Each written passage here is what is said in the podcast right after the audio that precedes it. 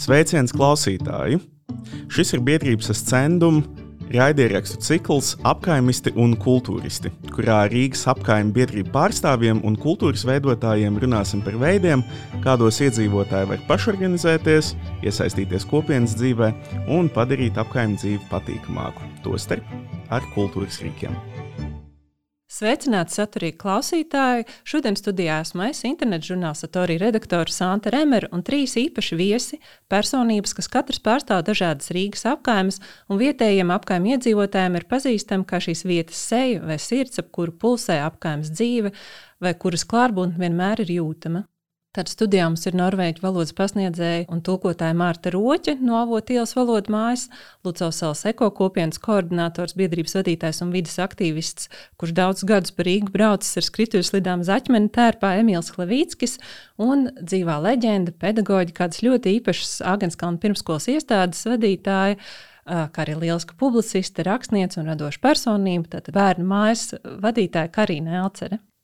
Mēs labi zinām, kāds ir katrs apgājums raksturīgais vibes, tā noskaņa, un tas nezinu, kas, kas tur ir gaisā, taču šo noskaņu lielā mērā nosaka kopienas aktīvie dalībnieki, kam tur ir kāds uzņēmums, kafejnīca, centrs, darbnīca, un tāpēc šodien gribēju parunāt ar trim šādiem nozīmīgiem savas apgājumas vietas gara uzturētājiem.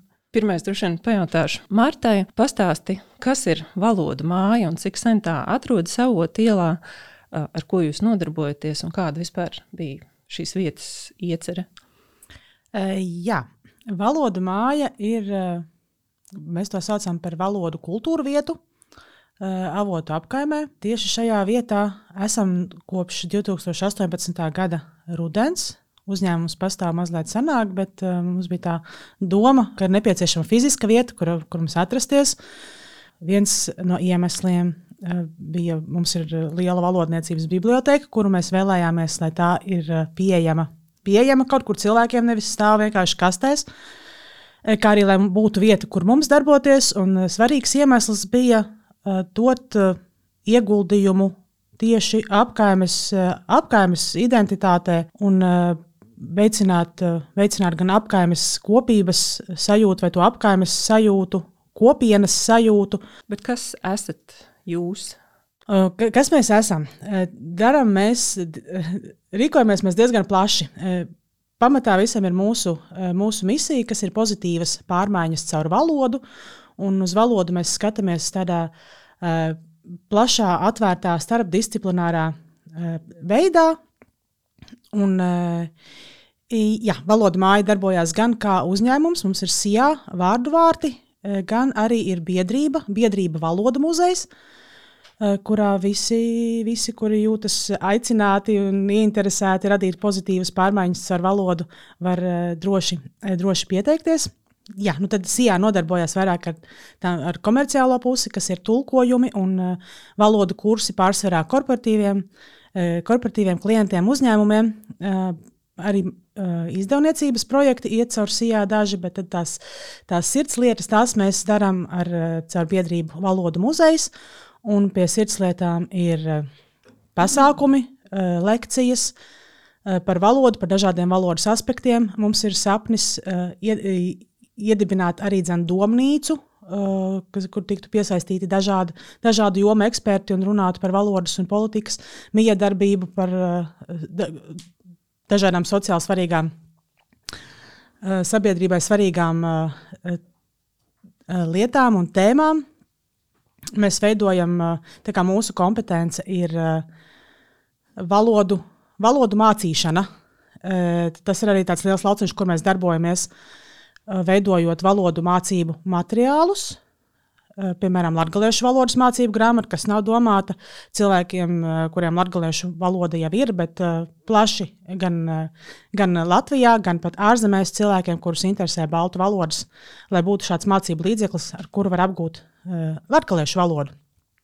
Gan arī norvēģu valodas mācību līdzekļi, tiešsaistes mācību līdzekļi.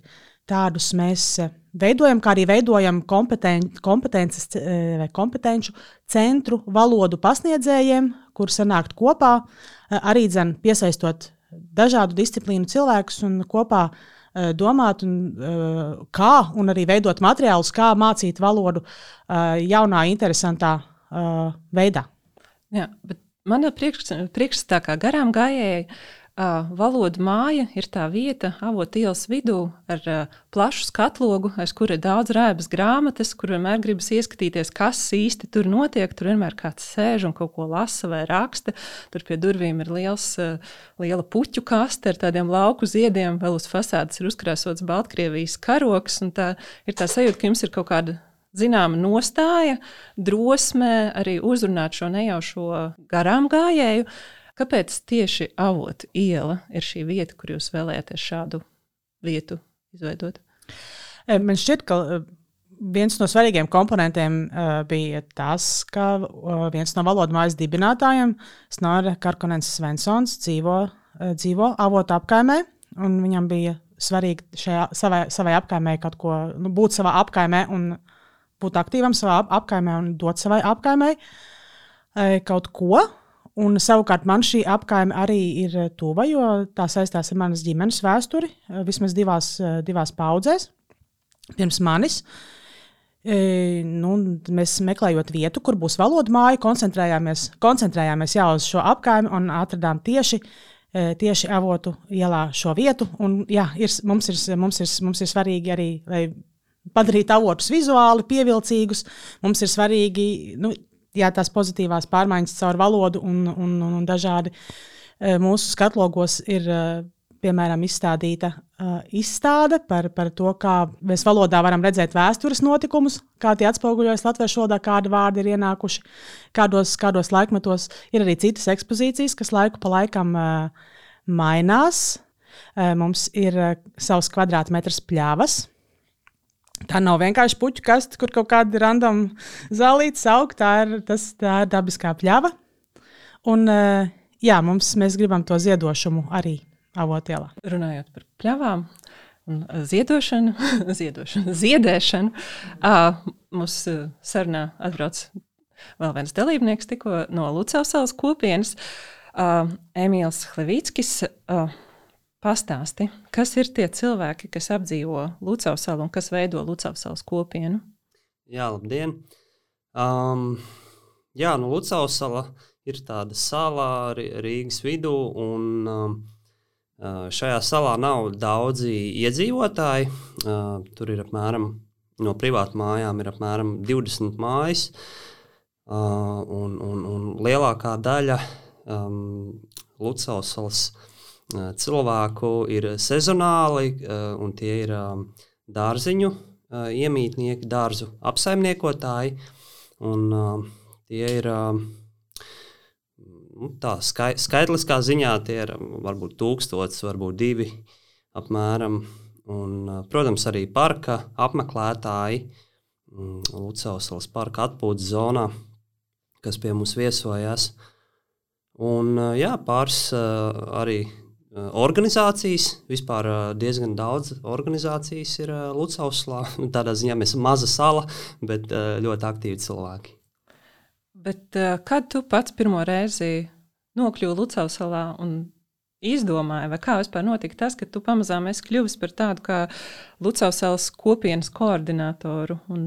Jā, mans ceļš um, aizveda uz Lucausalu 2011. gadā. Un, Tas sākās ar to, ka uh, mans draugs mani aizveda uz Torņkalnu dārziņiem, un viņš man parādīja, kā tur tiek uh, šķūrēti nost uh, tur esošie uh, mazdārziņi, uh, jo tika būvēta uh, Latvijas Universitātes uh, bioloģijas fakultāte.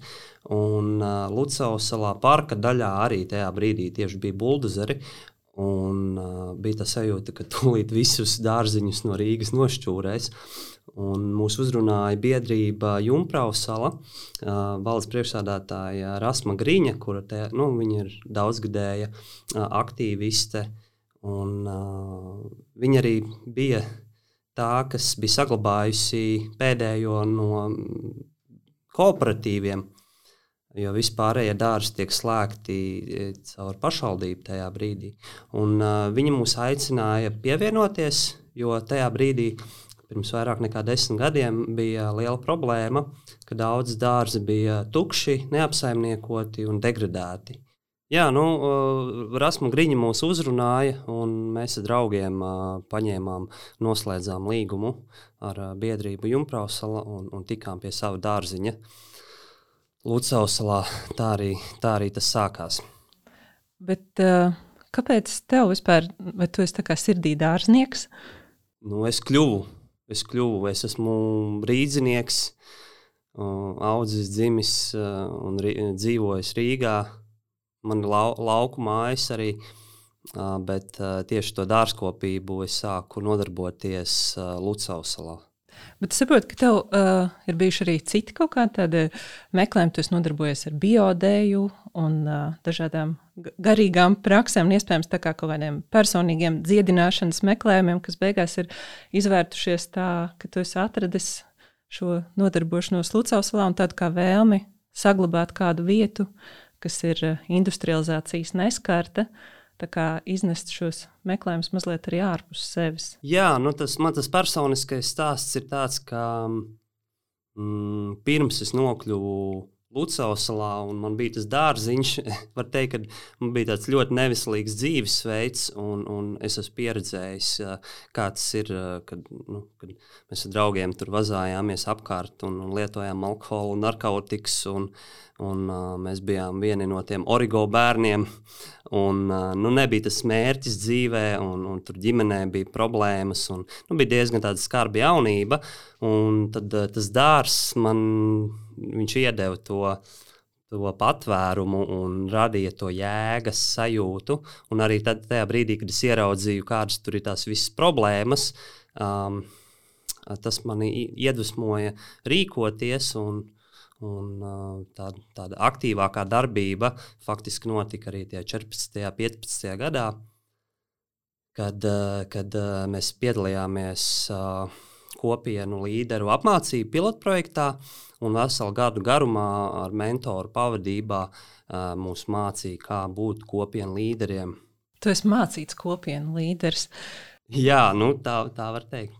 Bet trešā sarunas dalībniece Karina Elcere, kas ir viena no pirmajām Montesori pedagoģiskās apmācības ieviesējām Latvijā un pazīstama kā bērnu mājas vadītāja, jau vairākus gadu desmitus vada bērnu māju, nu jau vairākas bērnu mājas. Kas apmācīja tevi? Vai tu esi pašmācīta. Apmācīta kam? Tā kā Emīls tikko teica, ka viņiem bija uh, īpaši kursi, kur apmāca kopienu līderus. Kā tu nonāci līdz uh, tādas bērnu mājas izveidošanas idejai?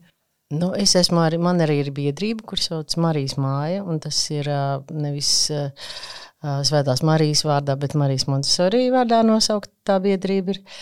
Man ir biedrība, Uh, viņa radās pirms nu, vairāk kā 20 gadiem uh, un tika radīta patiesībā, lai veidotu nometnes jūras vārnu, ko es arī daru katru vasaru. Pusauģu nometnes, piedzīvojumu nometnes, pētnieciskās nometnes. Un, uh, un šīs biedrības bāzes tad es izveidoju arī pirmo bērnu māju, bet iedvesmas tas avots bija mans dēls Dāvids, kurš piedzima Dauna sindromu un autismu, un es meklēju viņam vietu, kur viņš varētu būt bet es biju jau Jūrmālas alternatīvā skolā, satikusies ar to monstru apmācību un sapratu, ka tādu mums Rīgā vajag. Un vajag manā dzimtajā pārdaugavā, kaut arī es to brīdi dzīvoju pavisam otrā pusē.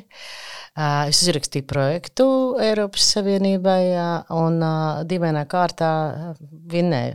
Jo tā vīzija bija ļoti skaidra. Man bija skaidrs, kur, kā izskatīsies, ko es tur likšu iekšā, kāda cilvēka strādās, kāda cilvēka uz to jau gaidīja, kādi bērni. Un, par to līderību es domāju, ka no vienas puses bija. Uh, nu, man jau iepriekšēji man praksa uz to brīdi, dažādi darbi, ko es jau biju darījusi. Un, uh, gribi, negribi, vienmēr esmu kaut ko organizējusi, nu, veidojis kaut ko ap sevi. Uh, Un bez domāšanas jau arī tā kā nekad nav piedzīvojis, jau domāju. Uh, vēl nestāvēju, bet jau lasīju tādā veidā. Es domāju, ka ir kaut kādas uh, īpašības, kuras uh, augstākais man ir devis, jau, jo es varēju to darīt. Un tad, protams, tie uh, pilieni, tas, ja nebūtu Dāvids, es nebūtu sākus to pirmo bērnu māju.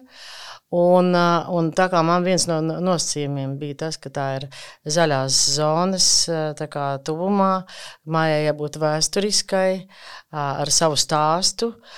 Tad man visas šīs trīs mājas pārdaugavā ir arī bijušas ar, un vēl ir, ja, ar katru ar savu stāstu. Pirmā bija Hāmaņielā, tur, tur pretī bija tā sabrukusī Hāmaņa mūžiņa kur tagad ir atjaunot man pa lielu prieku.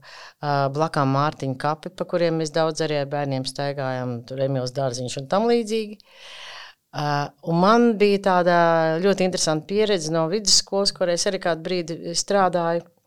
Mums bija trases pa Rīgu, un mums bija tieši tajā reģionā trase nu, pieaugušiem, interesantiem, arī skolotājiem.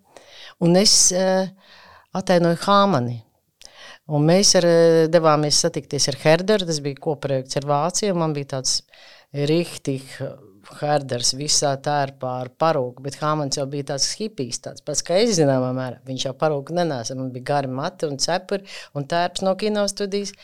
Un tik jocīgi, ka es pēc tam tieši tajā Hāmaņielā arī dabūju to, eh, to savu adresi pirmo.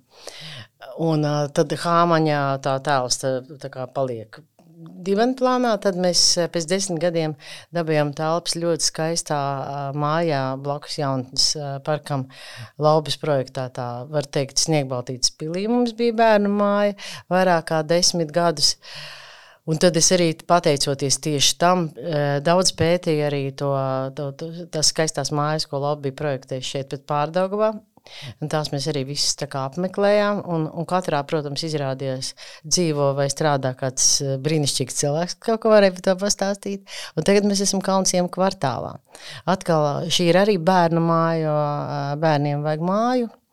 Un šī ir tāda eh, ļoti labi, man liekas, uzturēta, dīvainā kārtā ģimenes māja, patiešām māja, viens stāv māja, ģimenes māja, kurai brīnišķīgi saglabājušās krāsnes un nu, visādi artefakti. Un, Un, un viņi, protams, mūsu kalnciem kvartāla, mūsu komunas, jo šie arī ir maz komunu kalnciem kvartāls, komunas eh, īpašnieki un biedri, brāļi Dambergi brīnišķīgi, viņi arī nu, saglabājuši tieši mums.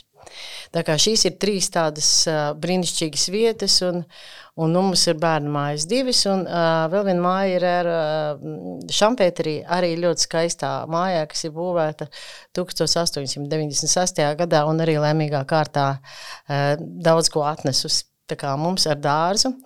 Un, un tur mums ir tāda netradicionāla ideja paplašināt redzesloku un piesaistīt arī spāniski runājušus bērnus un pieaugušos strādāt tajā bērnu mājā. Cik interesanti. Tu laiku saki, ka bija svarīgi, lai tā māja būtu skaista.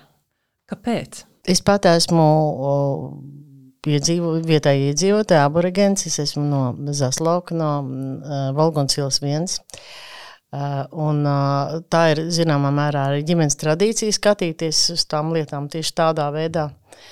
Uh, un, un man bija dārzniece. Viņa ļoti kā, rūpējās par to, lai tas, kas aug, saskan savā starpā. Es domāju, to jau ieliek arī kaut kā nu, ģimene. Un, nu, visas šīs manas, kā, es nāku, var teikt, es nāku caur vairākām ģimenēm, tā kā nāk man gēni, kur tas varbūt bija svarīgi. Bet, bet arī Montesori principā, Montesori to principu, man tāpēc ļoti patīk tas princips, viņa zīmē kā trīs stūri, un augšā ir bērns, tā kā trīs stūri augšajā pusē, labajā pusē skolotājs un kreisā pusē ir vide. Viņi uzskata ļoti stingri, ka vide ir viena no svarīgākajiem faktoriem, kas audzina cilvēku jauno. Līdz 5 gadu vecumam tā vide atstāja ļoti lielu nospiedumu. Mums arī ļoti svarīgi, kas taisa darba lapas, kā ir izvietota priekšmeti, cik estētiski mēs varam sastrādāties uz vienu viļņu arī ar pārējiem darbiniekiem bērnu mājā. Un tu jau zini, ka mums ir tas īpašais status, ka mums ir tieši tikpat daudz vīriešu, cik sieviešu strādā bērnu mājā. Nu, ka nav tikai šis mūžīgs sievišķis, kas augšu mūsu ceļ, bet ir arī cita veida tā, tas skatījums. Man liekas, ka tas arī ir, arī piederās pie tā visa. Bet, nu jā, varbūt es varu tā Gluži tā nav, ka es domāju, ka tieši skaistums izglābs pasauli, bet tuvu tai idejai es esmu. Paprasīšu tagad uh, avotu ielai. Kā tu, Marta, raksturotu, kāda ir avotu iela? kāda ir tā vide, cik skaista vai savdabīga. Avotu iela mainās, mainās šobrīd ļoti. Pati es bērnību pavadīju ķēngragā, un gan savukārt pie vecās mammas braucu uz Tallinas ielu, un tur par Grīziņkalnas ziedoņdārstu tur arī, tur arī staigāju, bet avotu ielas sajūta līdz tam man bija tāda, nu, ka tā ir pelēka, pelēka degradēta vieta nomalē arī Čaka iela un Marijas iela nekad nav bijušas tādas pie, tajā ziņā pievilcīgas, ka tur ir mašīnas, putekļi, tumsa un viss noputējis, nav, nav zaļumu. Kad mēs tagad atnācām uz avotu ielu, es ieraudzīju pavisam citu avotu ielu, kuru līdzās pastāv ļoti, ļoti krāsainas dažādas vietas. Tur ir saglabājušās vietas, kas ir no 90. vai vēl senāk. Un, uh, turpat līdzās savukārt ir jauns alus bārs vai uh, jaunas Tagad tur tādas veidojās vietas, un tagad arī kultūra vietas. Tie cilvēki ir ļoti dažādi, un vide ir, vide ir ļoti dažāda. Un tas viss pastāv, pastāv kopā, un šobrīd veido tādu ļoti interesantu un patīkamu vidi, kur atrasties, manuprāt. Nu, un arī, protams, arhitektūra un viss, vis, vis, vis, arī koka, jo sevišķi koka nami, kur var to, to seno elpu notvērt un sajust to saikni ar, ar iepriekšējo laiku. Un, uh, kā bija Lucavas salā, kas teiksim, ir mainījies pa šiem gadiem, kopš tā laika, kad tu pirmo reizi viņu apskatīji, un kāda viņa izskatās tagad? Kā tu raksturot to noskaņu? Jā, Lucavas sala pilnīgi mainās, jau ņemot vērā to, kādi tur ir parki izveidoti un, un uh, Daugavas krastmalā, uh, tur grillparks un, un uh, kā arī tā vide mainās. Uh, un arī biedrību aktivitāte. Un, um, tā, uh, pašvaldība arī ir uh, daudz ko darījusi. Un, um, Nu viens, vien, viena no lielākajām izmaiņām ir tajā, ka, piemēram, 14. gadā, kad mūsu tā brīža mērs uh, Ušakovs gribēja uh, privatizēt šo te dārza teritoriju uh, vairāk kā 100 hektāru lielumā, uh, viņa pamatojums bija tāds, ka uh, tā ir degradēta teritorija. Viņš rādīja sēdē bildes ar, uh, ar milzīgiem atkritumu kalniem un uh, aizaugošu nekoptu teritoriju.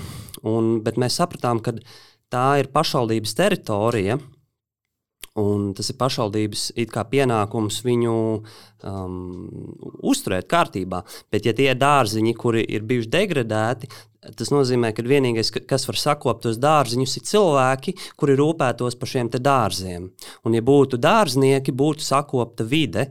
Un tajā brīdī tas mans personīgais mērķis bija ilgtermiņa stratēģija dabūt cilvēkus, un es pats arī vedu ekskursijās cilvēkus, un, un mēs veicinājām gadu laikā šo popularitāti.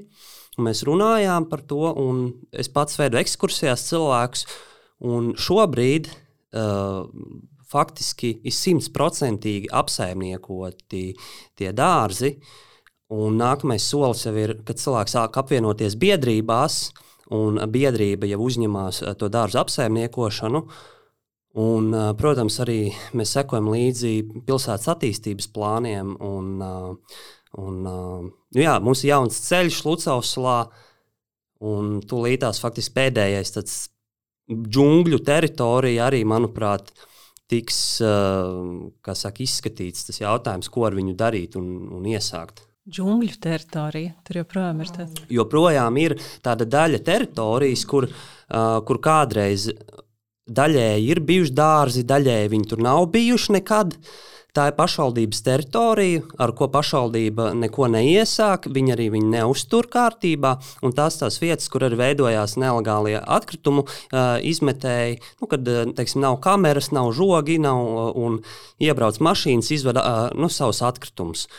Un, tā kā visu laiku tie sarkanās līnijas un attīstības plāni līdz šim nebija ļoti konkrēti un pieņemti, tad eh, tāpēc arī pašvaldība neko neiesāka tām teritorijām.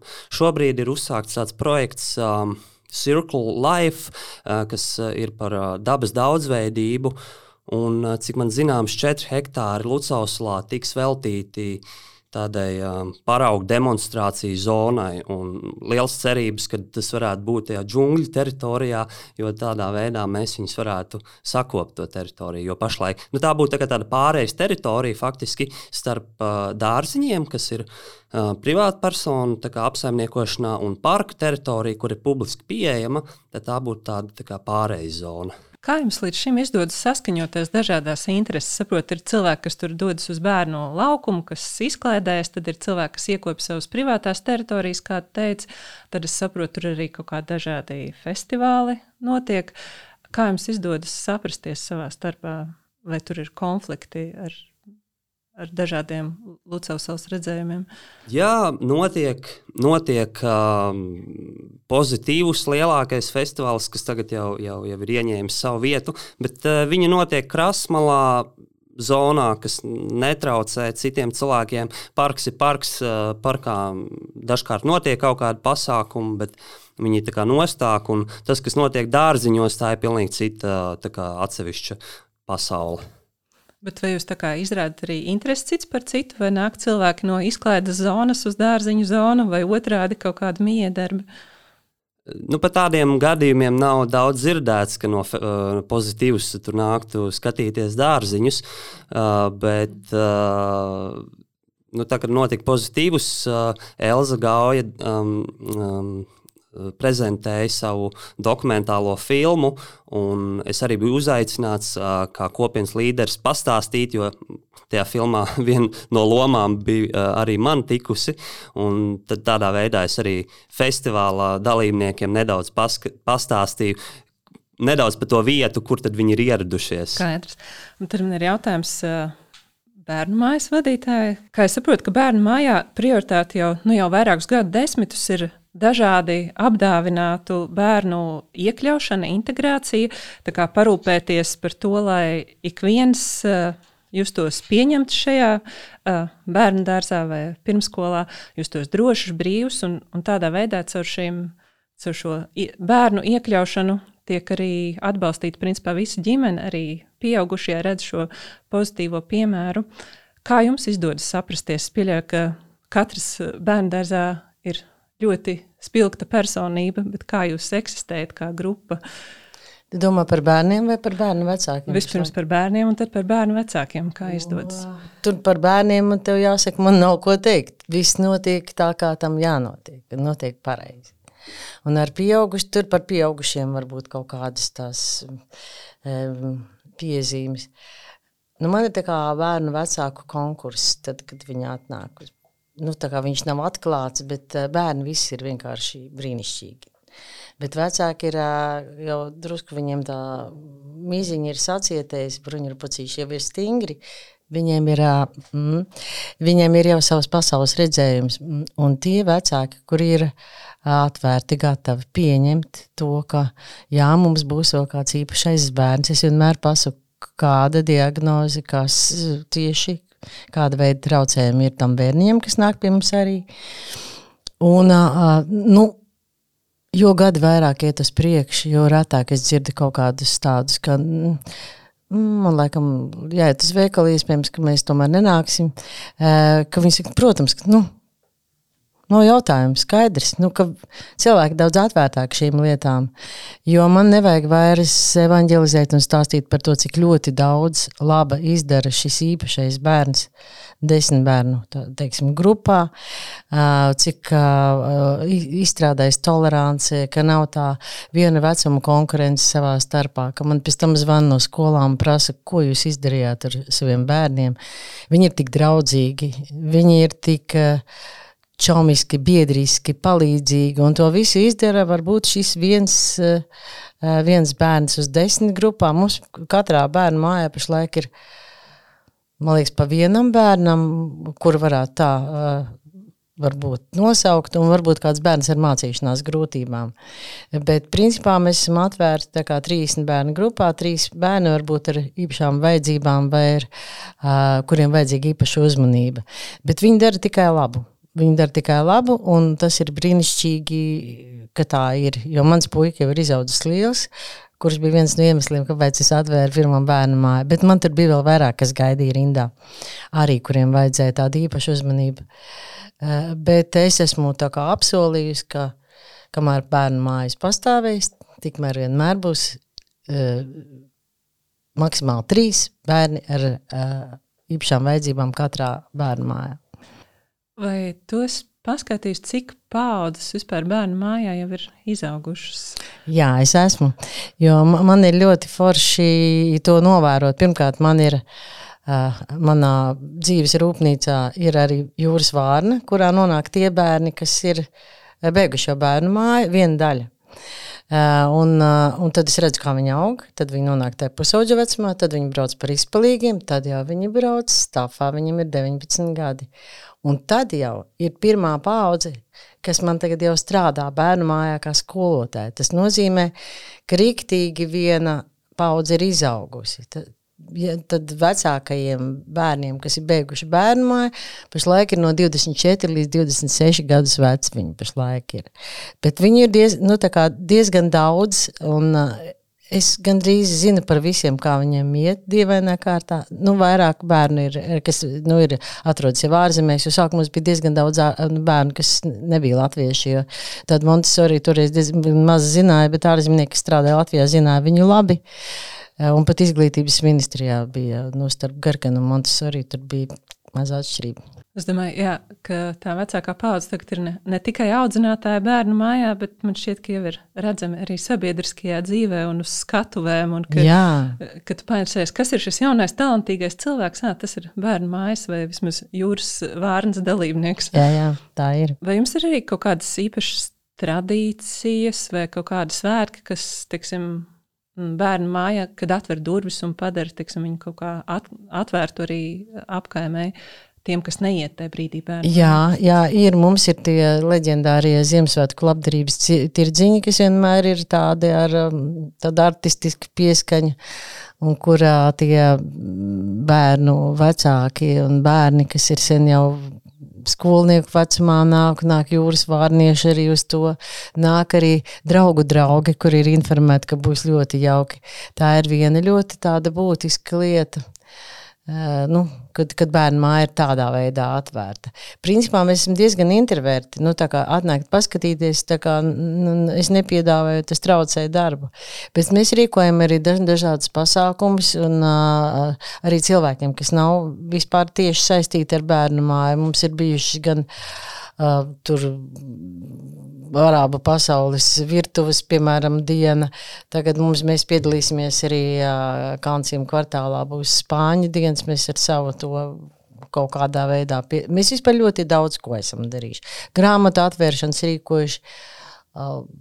Pilgas reiznieces, diska prezentācijas. Nu, kā, mēs principā piedalāmies, mums interesē. Un es, protams, ļoti gribētu kaut kad tālā, tālā vai tuvā nākotnē, tomēr arī to bērnu domāšanas skolu atvērt. Kaut kur kādā no bērnu mājām, brīvdienu domāšanas skolā. Brīvdienu domāšanas nu, jā, tādi kā pusauģi, tā kā tavi puiši vai bišķi lielāki, bet tā ir viņu izvēle ar brīnišķīgiem pasniedzējiem, kur varbūt gan Iešana, gan matemātika, gan runāšana, gan domāšana, gan rakstīšana, gan padziļināta valodas pētniecība. Man liekas, tas varētu būt skaists, varbūt tas var uzrunāt kolēģīti. Man liekas, ka jums turētu veidoties savstarpējā sa sadarbība. Jā, noteikti. Valoda mājas misija arī ir caur valodu un domāšanu Jā. veicināt šīs pozitīvās pārmaiņas un atvērtību idejām. Šķiet arī ir viens no. Jā.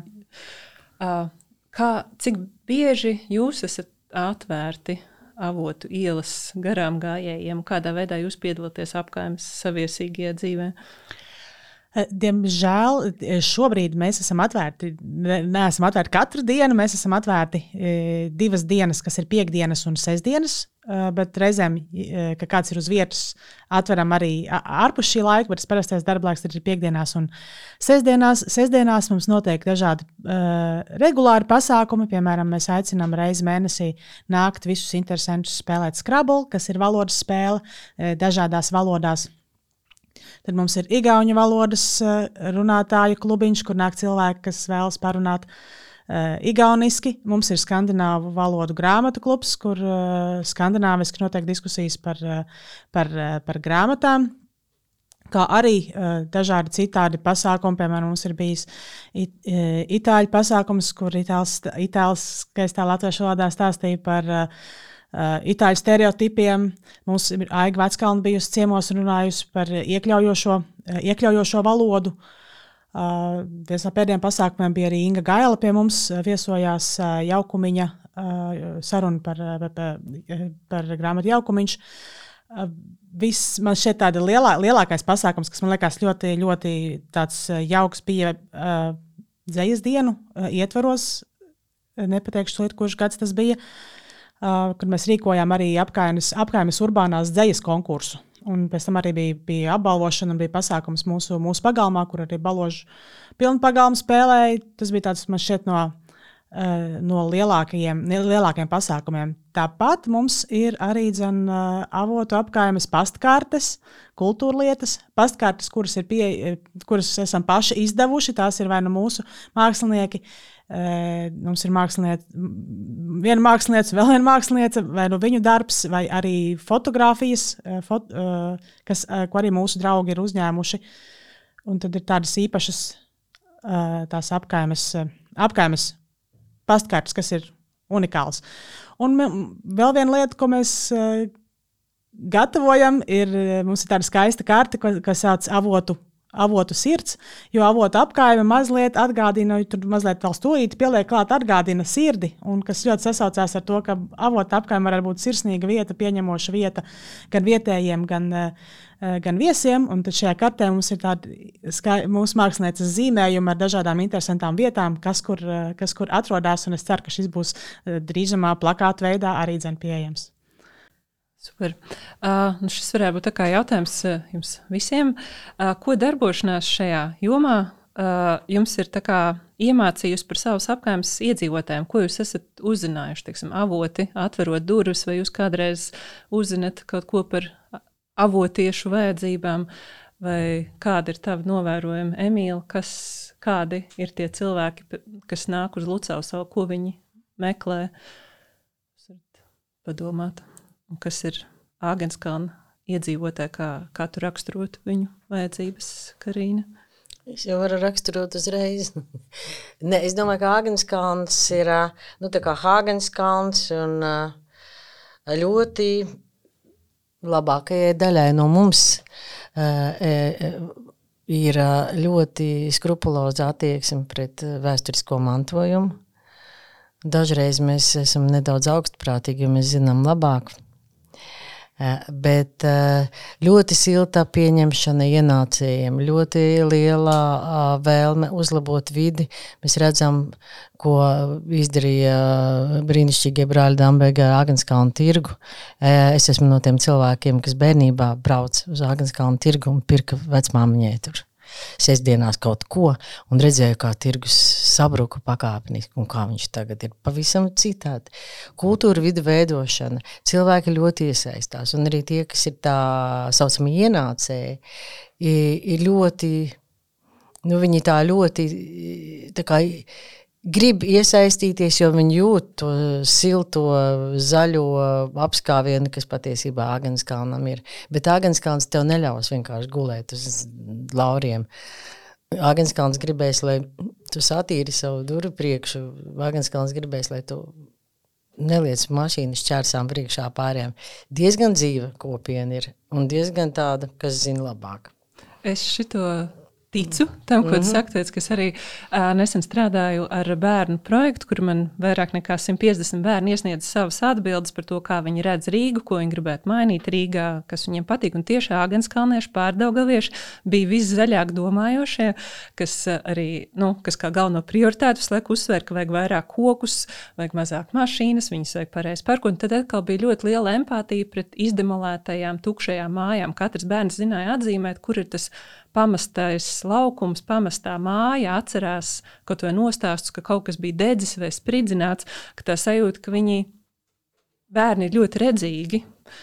Un viņi kaut kā ar sirdi iecer to Rīgas karti un jā, līdzpārdzīvo ka tas nav tikai mēs zinām, ka tur pēc gada kaut ko uzcels, bet bērns jau to uzrakstu ne, nelasa. Tā rekonstrukcija bieži vien ievelkas, un viņam visu laiku ir tā sajūta, ka tu esi pievilcis, tev ir apsolīts, un tas nav.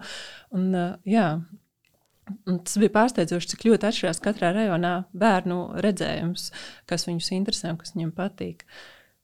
Lucavsalā ir bērni. Jā, protams, mūsu liela auditorija ir jaunās ģimenes bērniem. Cilvēkiem ar ģimenēm un bērniem ļoti patīk atpūsties brīvā dabā, gan parkā, gan, gan dārziņos un iekopt savu dārziņu. Tā kā bērni mums ir daudz. Bērni, jā, bet tiksim, to pirmo jautājumu, ko es prasīju, ko tu teiksim, par šo laiku novērojis, kas tavuprāt rīdziniekiem trūkst vai tiem cilvēkiem, kas ierodas Lucau salā, ko viņi meklē? Es domāju, ka noteikti viņi meklē atpūtu, jo iebraucot Lucau salas dārzu teritorijā, ir sajūta, ka tu esi laukos, un vispār nav sajūta, ka tu esi pilsētā. Jo tiešām tā ir neapbūvēta zaļa teritorija. Ja kartē paskatās, lielākā daļa tur ir koki un, un krūmi, un tur ir liela dabas daudzveidība. Tur skraidas tirnas un, un, un eži, un lapsas un zaķi redzēti. Jā, nu, cilvēki, cilvēki tur brauc arī, protams, uz parku, atpūsties. Tā ir iemīļota vieta. Un, kādreiz tur arī bija veika parks, tagad, tagad viņš pārcēlies um, uz Zaķu salu. Un, uh, arī, arī, manuprāt, ir tā uh, na, bibliotēkas uh, lasītava. Uh, kur, kur var nākt lasīt grāmatas uh, parka daļā. Un, uh, viesi ir ļoti dažādi. Arī makšķernieki, kuri nāk makšķerēt un, un uz grilu parku, atnāk uzgrillēt un atpūsties. Un ir cilvēki, kas rīko kaut kādas kakao ceremonijas pļaviņā vai, vai ziemas peldētāji, ir peldētie sāliņģi un laivotāji, ir, jo ir divas laivu skolas kuri māca jauniešiem laivot. Izklausās, ka Rīgā dzīve notiek. Tas, ko centrā es varbūt neredzu, man liekas, ka visi iesēžas mašīnās un kaut kur brauc prom no Rīgas. Bet es redzu, ka arī Rīgas teritorijā joprojām var dzīvot zaļi un dzīvot labi. Varbūt vēl Martē kāds pēdējais novērojums par avotiešiem avotos arī ir vismaz viens ēzis, kā mēs novērojām. Bet eh, mums valoda mājā nāk iekšā ļoti dažādi cilvēki no ielas, un tieši ar to, nu, kas jums šeit ir? Ar tādu interesi un tādu atvērtību. Es te visu laiku staigāju garām, tik interesanti izskatās, kas jums šeit ir. Un, un tad mēs ievedam cilvēkus dziļāk. Mums ir, uh, mums ir valod, valodu mini-muzejs, un tas lielais sapnis nākotnē, ka būtu lielāks muzejs. Arī domājam par vides muzeju, kur varētu ār, ārpus pavo, ne tikai pavot apkārt, bet par Rīgas, Rīgu staigāt ar audio gidu un at, atklāt valodiski, valodiski Rīgas vēsturi, kur kādas valodas ir bijušas un kā tas ir noticis. Nāk pēc grāmatām, pie mums var atrast grāmatas, lietotas grāmatas un jaunas grāmatas. Lietotās grāmatas ir par valodām un ap valodām un dažādās valodās. Tā kā tie, kas nāk un meklē, arī nes savas grāmatas. Mums, mēs ņemam labprāt pretī grāmatas, kas ir dažādi, citās valodās. Piemēram, tie, kas mācās dažādas valodas, viņiem ir interesanti šeit atnākt un atrast gan norvēģiski, zviedriski, gruzīnu, gruzīnu valodā, armēņu valodā, dažādās valodās. Bet, jā, eh, cilvēki nāk, cilvēkiem interesē, un cilvēki jau tagad atklāja kaut ko jaunu. Arī no mūsu mazās, ekspo, mazās valodu muzeja ekspo, ekspozīcijas, un vienmēr ir interesanti aprunāties, un dažādi cilvēku stāsti nāk arī klajā gan par apkaimi, eh, par notiekošo. Vispār tie cilvēki, kādi, kādi mums tur ir, ir ļoti, ļoti interesanti. Karīne vēl kaut kas piebilstams. Par ko tieši? Varbūt par kādu nākotnes vēl sapni, Šis sapnis man liekas ļoti jauks, bet, eh, bet nu, man tūlīt būs tieši dīvainā kārtā. Es tā klausos, un, un man jau liekas, ka viss tā skaisti, jo dzīvē savus ornamentus viņš kaut kā saliekas un ļoti skaisti, ka es dzirdu, ka Marta tur runā par Norvēģiju, par Norvēģu valodu, jo man vakar tieši bija no, no nometnes sapulce, un pirmā nometne mums ir Norvēģija, Īslanda, Fēru salas. Uh, tas ikdrislis, tas dzīves koks ir tas, kas to visu liek kopā. Un, un tās divas valodas, kurā, kurās tagad runā Norvēģijā, un cik tas viss ir interesanti. Mums Jolanta Petersona bija eksperts, mēs par to runājam. Tagad es dzirdu Norvēģiju. Es tagad redzu tādas foršas puikas Emīlas un visādas foršas lietas strādā. Un es domāju, es tieši meklēju tādu vienu puisi uz nometni, bet nevaru atrast, skatos, varbūt jāuzrunā Emīls. Un man ļoti patīk, ka visas šīs lietas kaut kādā veidā, nu kā labi cilvēki, cilvēki satiek labus cilvēkus un kā veidojas kaut kāds tāds ornaments. Un man liekas, ka tas ir viens no kopienas pamatiem, ir šī brīnišķīgā ornamenta veidošanās, ka pareizie cilvēki satiek pareizos cilvēkus. Idejas tiek nestas tā kā tajā dzīvības kokā, par ko mēs vakar runājām, nometnes sakarā ka ir tā vāvere viena, kas skrien no augšas tam dzīvības kokam, no ērgļa, kas tur, tur pūci vai čūsku uz leju un nes informāciju tur un atkal skrien augšā. Un tas kopienas varbūt vadītājs ir tā vāvere. Nu, tā es domāju. Izklausās ļoti labi.